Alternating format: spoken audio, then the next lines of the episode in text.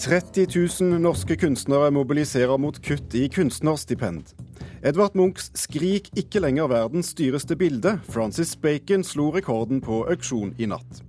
Kristelig Folkeparti bekymret for fjerning av kulturskoletimen i SFO, krever kulturskoleløft i budsjettforhandlingene.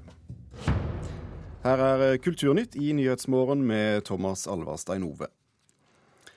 Om lag 30 000 norske kunstnere mobiliserer nå mot Solberg-regjeringens stipendkutt. Fredag ble det kjent at Høyre og Frp ikke vil innføre stipend for etablerte kunstnere og seniorstipendet. Dermed vil ikke kunstnerne få muligheten til å søke det tiårige stipendet neste år, som kan sikre dem stabil inntekt. Nå samler 20 kunstnerorganisasjoner seg for å få regjeringen til å snu.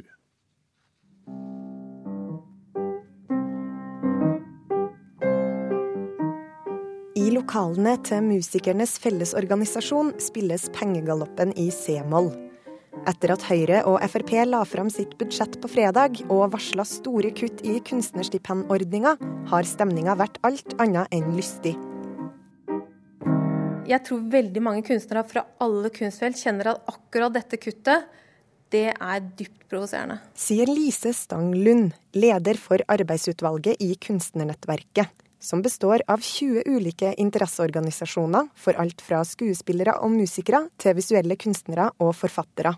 Nå står de alle samla for å presse regjeringa til å ikke kutte stipendordninga. Ja, vi kalte inn til hastemøte eh, og fikk eh, gledeligvis stort oppmøte. Mange organisasjoner møtte opp, og var, vi var veldig enige om at dette er en kjempeviktig kampsak for kunstnerne i Norge. Grunnen til at Kunstnernettverket nå mobiliserer, er at Høyre og Frp foreslår å ikke innføre de tiårige stipendene for etablerte kunstnere og seniorkunstnere. Stipender som skulle erstatte garantiinntektsordninga, som har sikra kunstnere stabil lønn, og som nå skal fases ut. Nei, Der er noe som gjelder um, alle kunstnergrupper. Ordningene som er foreslått uh, kutta, er jo en uh, virkelig god investering Eh, der eh, avkastningen eh, er et godt og mangfoldig kulturtilbud til norske folk. Sier leder i Forfatterforeningen, Sigmund Løvaasen. Han er bekymra for at de langvarige stipendene vil forsvinne helt. De tiårige stipendene som nå er foreslått kutta, de gir en helt annen forutsigbarhet, en helt annen mulighet til å fordype seg i eh, skrivinga og prosjekter og utvikle forfatterskapet. Per Petterson, Merete Lindstrøm, Herbert Wassmo Eh, avgjørende for at de kunne eh, bygge det her, eh, de her forfatterskapene, har bl.a. vært stipender. Musikernes Fellesorganisasjon er også medlem av Kunstnernettverket, og nestleder Anders Håvin er klar for å kjempe kampen mot kuttene. Vi ser at vi tjener på å stå sammen, for det første. Og fordi kunstfeltet faktisk henger sammen på alle måter. Som Gro sa det i sin tid, at alt henger sammen med alt. Kunstnernettverket setter nå sin lit til at Venstre og KrF vil kjempe deres sak. Kulturpolitisk talsmann i KrF, Geir Jørgen Bekkevold, sier han skal lytte til Kunstnernettverkets innspill. Ja, eh, det gjør vi. Og det har vi for så vidt gjort eh, både i hele går og i dag. Vi har vært på høring, som sagt, og vi har blitt godt kjent med dette kuttet og hva slags konsekvenser det får. Det skal ikke stå på meg, for å si det på den måten.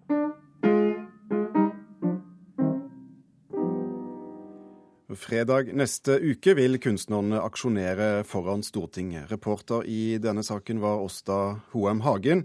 Og selv om de to stipendene kuttes, så øker den generelle stipendpotten med 12 millioner kroner i det blå budsjettforslaget. Statssekretær Knut Olav Åmås presiserer overfor Kulturnytt at de 450 kunstnerne som allerede mottar garantiinntekt, fortsatt vil gjøre det neste år. Agnes Moxnes, kulturkommentator eh, her i NRK. Eh, hvorfor eh, reagerer disse 20 kunstnerorganisasjonene så sterkt?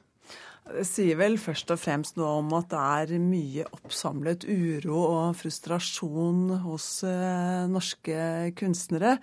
For selv om budsjettene har økt kraftig de siste årene med den rød-grønne regjeringen, så er det fortsatt slik at norske kunstnere lever på langt mindre inntekter enn gjennomsnittsnordmannen gjør.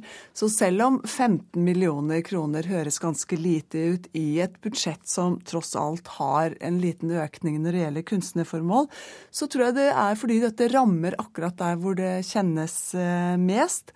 Altså muligheten til å øke inntekter. Vi bare ser jo at det er altså over 1500 kunstnere som har søkt på dette stipendiet, som da bare fem, omtrent 50 kan nyte godt av.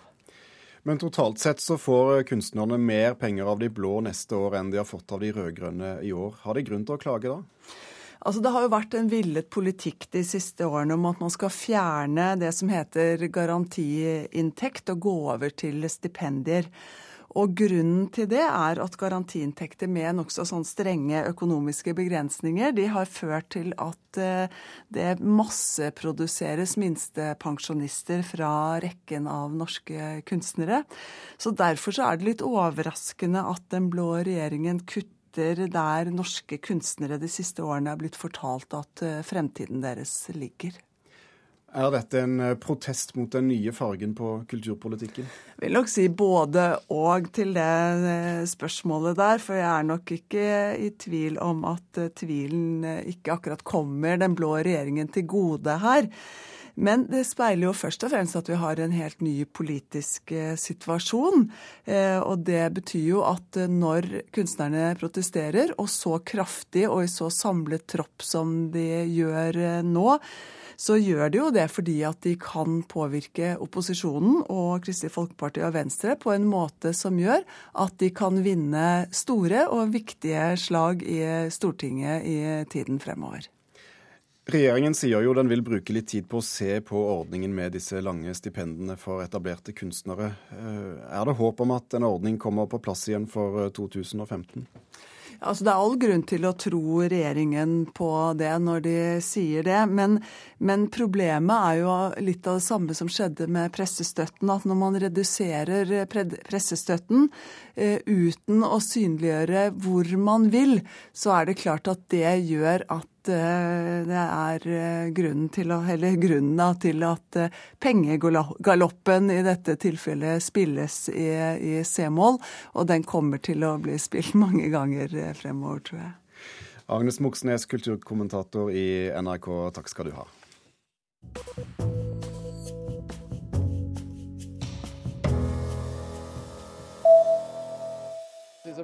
Record that will not be broken for many, many years. A very special picture, an incredibly rare triptych of Lucian Freud.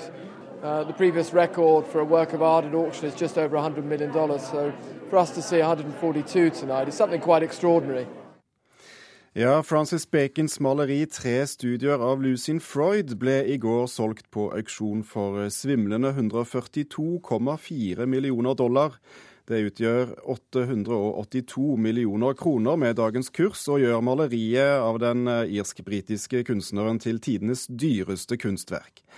Dermed er salgsrekorden for Edvard Munchs 'Skrik' fra mai i fjor slått. 'Skrik' ble solgt for nær 120 millioner dollar på en auksjon i New York i mai i fjor, altså. Denne rekorden eh, til Francis Bacon vil stå i mange år, det tror styreleder i auksjonshuset Christies eh, Jussi Pulkanen. Og Knut Forsberg, direktør ved Blomkvist kunsthandel eh, i eh, Oslo. Eh, hvorfor tror du akkurat dette bildet satte rekord? Jeg er litt overrasket. Jeg syns jo Munch er mye mer betydningsfull enn Francis Bacon. Men når det er sagt, så er jo Francis Bacon en betydelig kunstner. Dette er et av hans mest viktige bilder, hvor han har portrettert sin venn, maleren Lucien Freud. og det er et triptych, så er jo, det er jo midt i det man skal ha når man skal kjøpe bacon. Men uh, vi spådde jo at Munch-rekorden skulle stå i mange år også, og så ble den slått relativt fort. Så vi får se om Jussi får rett. Uh, Francis Bacon har jo en ganske spesiell strek. Hva er det som uh, gjør at han selger så godt? Nei, han er jo meget betydningsfull i, i, sitt miljø og har påvirket mange kunstnere. og Dette er helt typisk disse forvridde figurene og portrettene, og at det er et uh, triptyk. Det, det, er det man vil ha, og det er det vi ser i dagens marked. At det er de beste bildene fra de forskjellige kunstnerne. De får fantastiske priser internasjonalt. Kunstmarkedet har jo lidd som følge av finanskrisen eh, for noen år tilbake. Kan denne rekorden, eh, nå to rekorder har vi hatt på, eh, på kort tid, kan dette bety at kunstmarkedet er på vei opp? Altså Kunstmarkedet er veldig delt. De beste bildene har ikke sett noe til noen finanskrise i hele tatt. Det har vært rekord på rekord, og det har vært superauksjoner i, i London og, New York. Og også Stockholm har uh, ikke vært påvirket av det i det hele tatt. Her hjemme har vi vært uh, litt påvirket, men de beste bildene har hatt kjøpere her hjemme også. Så, så, det er litt mer de middelmådige bilder og ikke så viktige bilder som er blitt påvirket, som da har fått, fått færre kjøpere. Knut Forsberg ved Blomkvist kunsthandel, eh, takk for at du var med oss i Kulturnytt på morgenkvisten.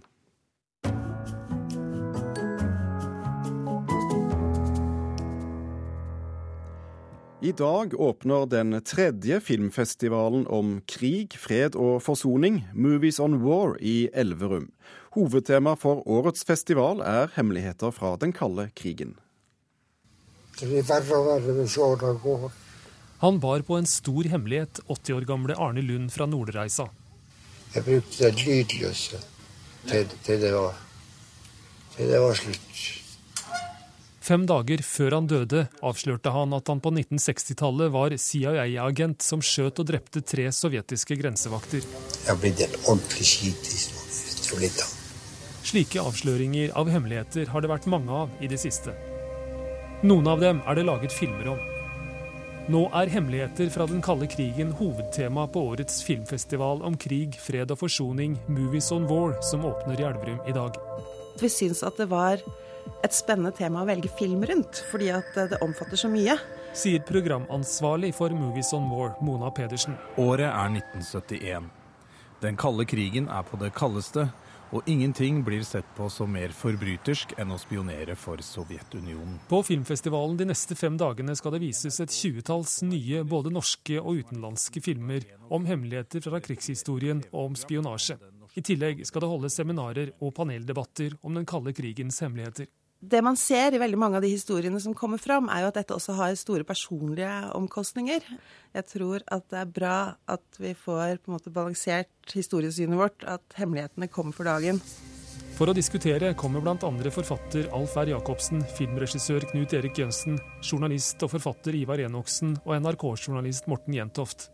Jentoft tror det er bra at hemmeligheter fra andre verdenskrig og den kalde krigen blir avslørt. Det er bare bra at disse historiene nå kommer, kommer frem.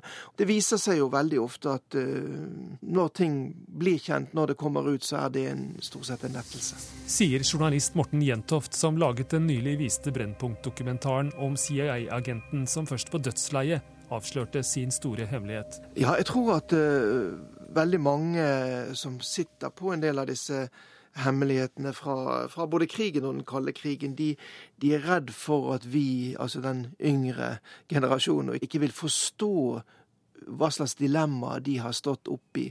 Og eh, av frykt for at de ikke skal bli møtt på en måte med forståelse, så velger de heller å, å, å holde kjeft.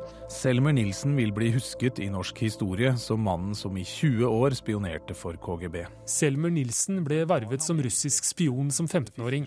Han ble lagt under veldig hård hjernevask. Sier Ivar Enoksen, journalisten som laget dokumentarfilmen om den russiske spionen Selmer Nilsen. Dette er tredje året det arrangeres en egen filmfestival om krig, fred og forsoning. Hvis du snakker med de som jobber i etterretninga, så syns jo ikke de at det er lurt at hemmeligheter blir avslørt. De vil jo si at dette er for å beskytte oss. Eh, men samtidig eh, så tror jeg at eh, det er viktig at en del av vår egen historie, for så vidt som den samtidige historien, kommer fram. Det er jo en måte å, være litt vaktbikkje på, på lederne våre, da. Morten Jentoft håper årets festivaltema kan bidra til at flere hemmeligheter blir avslørt det er viktig at deres bidrag i historien blir kjent, rett og slett for å fylle ut bildet. Kanskje det også kan være inspirerende for oss som jobber med dette her, å gå, gå videre og prøve å finne nye spennende historier der ute. Reporter på Elverum, det var Stein S. Eide. Dette er Nyhetsmorgen i NRK P2 og Alltid nyheter. De viktigste overskriftene nå. Rislager på Filippinene er stormet, mange mennesker ble klemt i hæl. Overlevende etter tyfonen er desperate.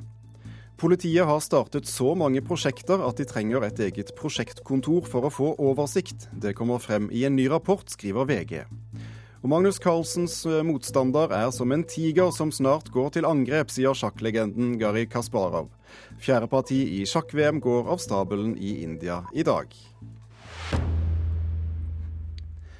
Kristelig Folkeparti vil ikke akseptere at kulturskoletimen i SFO fjernes, hvis regjeringen ikke samtidig øker støtten til den ordinære kulturskolen.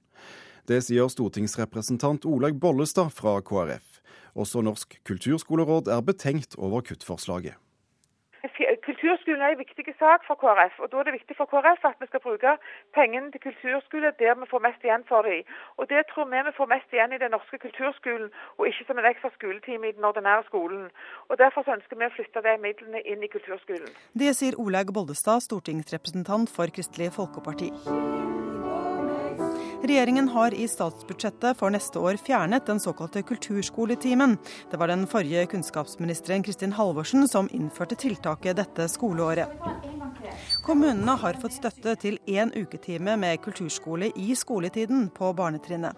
Men kritikerne har fryktet at dette på sikt vil skape enda lengre køer til den vanlige kulturskolen. Og også KrF har vært skeptiske. Likevel vil ikke partiet godta regjeringens kuttforslag uten videre, sier Bollestad ser at rundt om i ulike kommuner så er dette håndtert veldig forskjellig. Og For KrF er det viktig å utnytte de kronene vi har, og da ønsker vi faktisk å signalisere og si at vi ønsker å sette en sum eh, tilbake igjen til selve kulturskolen. Og Derfor så tar KrF dette med seg inn i de forhandlingene som er nå. Dette er en viktig sak for KrF. Vi ser at uh, dette her har uheldige virkninger sier direktør i Norsk kulturskoleråd Morten Kristiansen. Hans første kommentar til budsjettet fredag var at han ikke var overrasket, og han kom heller ikke med noen direkte kritikk av kuttet på 177 millioner kroner.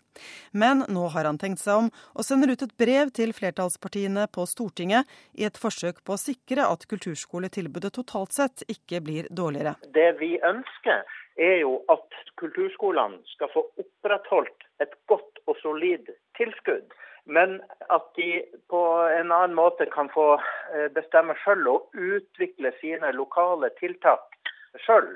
Det vil også si at noen kulturskoler vil velge å fortsette å utvikle kulturskoletimen, men at det da ikke ligger i en lov, men i en tenkning om at det er det beste for vår lokale kulturskole. Til det trenger kulturskolene midler. Reporter her var Anette Johansen Espeland. I morgen blir den norske kunstmaleren Dag Erik Elgin tildelt den svenske Carnegie-prisen på én million svenske kroner.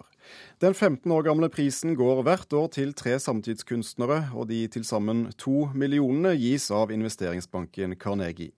Og Dag Erik Elgin, gratulerer med førsteprisen. Jo, hjertelig takk skal du ha. Hva betyr det å få denne prisen? Det er jo en hyggelig kunstnerisk anerkjennelse, og jeg kan ikke underslå at det også er en, en, stor økonomisk eh, gevinst å få den. Så det er på alle måter utrolig hyggelig. Du ble nominert etter å ha sendt inn et verk eh, bestående av 49 eh, malerier. Hvis du kommer litt nærmere mikrofonen, så kan du få lov å fortelle oss om det verket. Du, Det er et verk som heter 'Balance of Painters', og det forholder seg til en fransk kunsthistoriker som het Roger de Pille som karakteriserte og, og, rubriserte 49 av kunstnerne i samtiden ut fra komposisjon, originalitet, farve og utførelse fra 0 til 18. Så det er jo nesten et humoristisk islett i det også. og Disse tallene har jeg da malt på, på maleri 40 ganger 30 cm og tatt det tilbake kan du si, til et kunstnerisk rom og forsøkt å finne maleriske muligheter i dette materialet. Er du litt overrasket over at uh, juryen har humor? jeg er veldig glad for det. fordi altså, Man tenker dette er noe som ble gjort historisk og vi ikke holder på med i dag. Men vi lever jo i en tid som er til de grader opptatt av å rubrisere. Så f.eks. Artindex og Fine Art og alle disse stedene rubriserer jo nettopp kunstnere. Hvem selger mest, hvem selger minst, hvem får flest priser osv. Så, videre. så det er litt humoristisk å få denne prisen for et verk som handler om rangering av, av kunstnerskap. Hva vil du si er ditt kunstneriske prosjekt? Altså De siste årene så har jeg arbeidet eh, mye med problematikk knyttet til modernismen. Og forstå hva modernitet er, eh, også i billedspråk.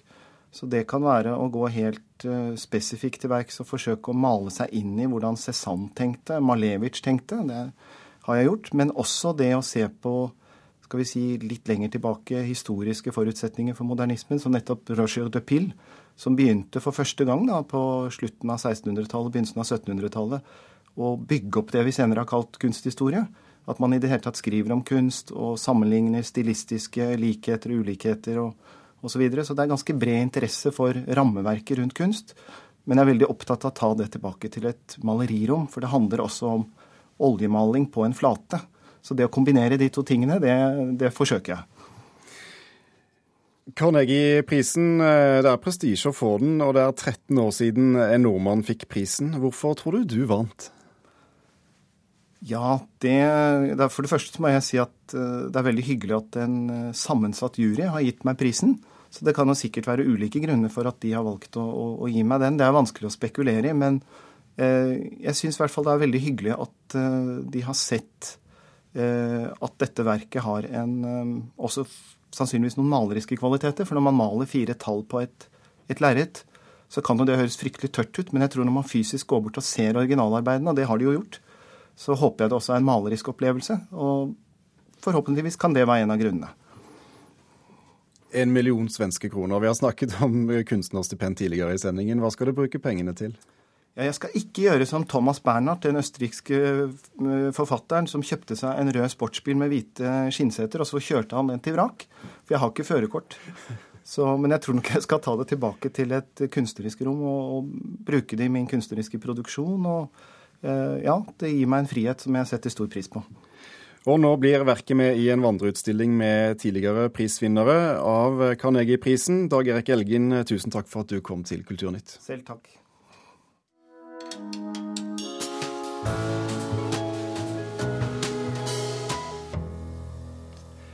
Den østtyske forfatteren Eugène Rog er et eksempel på at det er mulig å debutere med et smell også etter fylte 50.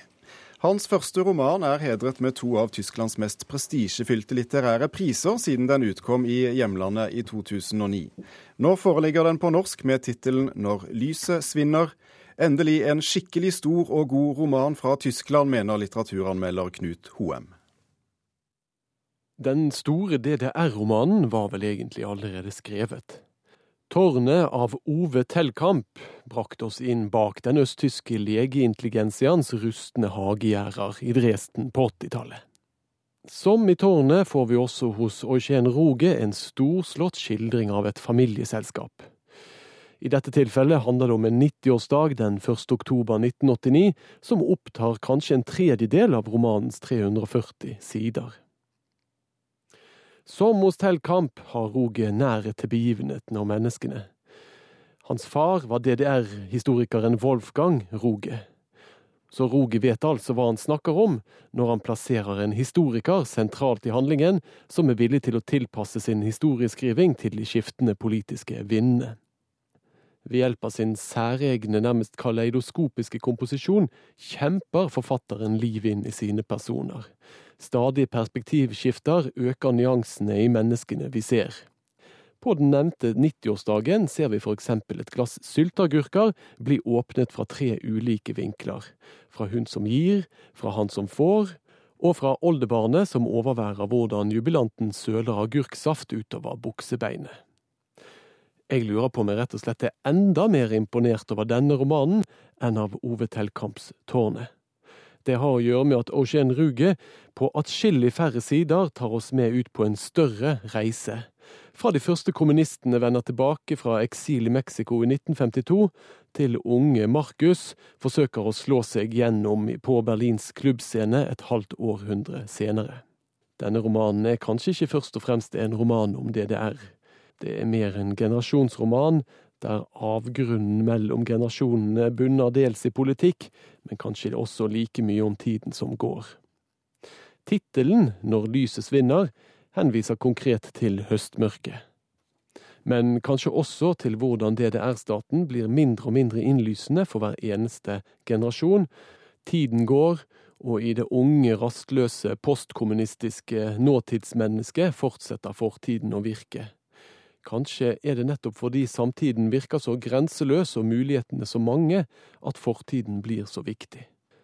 Eugen Roge, moden debutant som han jo var, skriver ikke like elegant som de store tyske mesterne som Grass, Hanke, Walser eller Wolf, men han har desto mer på hjertet, vil jeg si.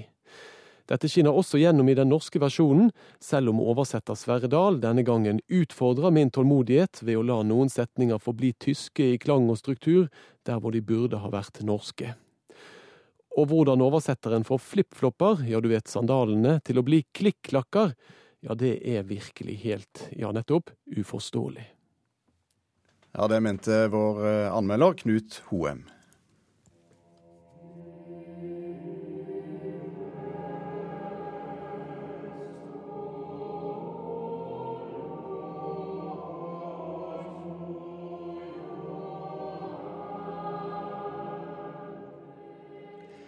Dette er musikk av komponist sir John Taverner, som døde i går.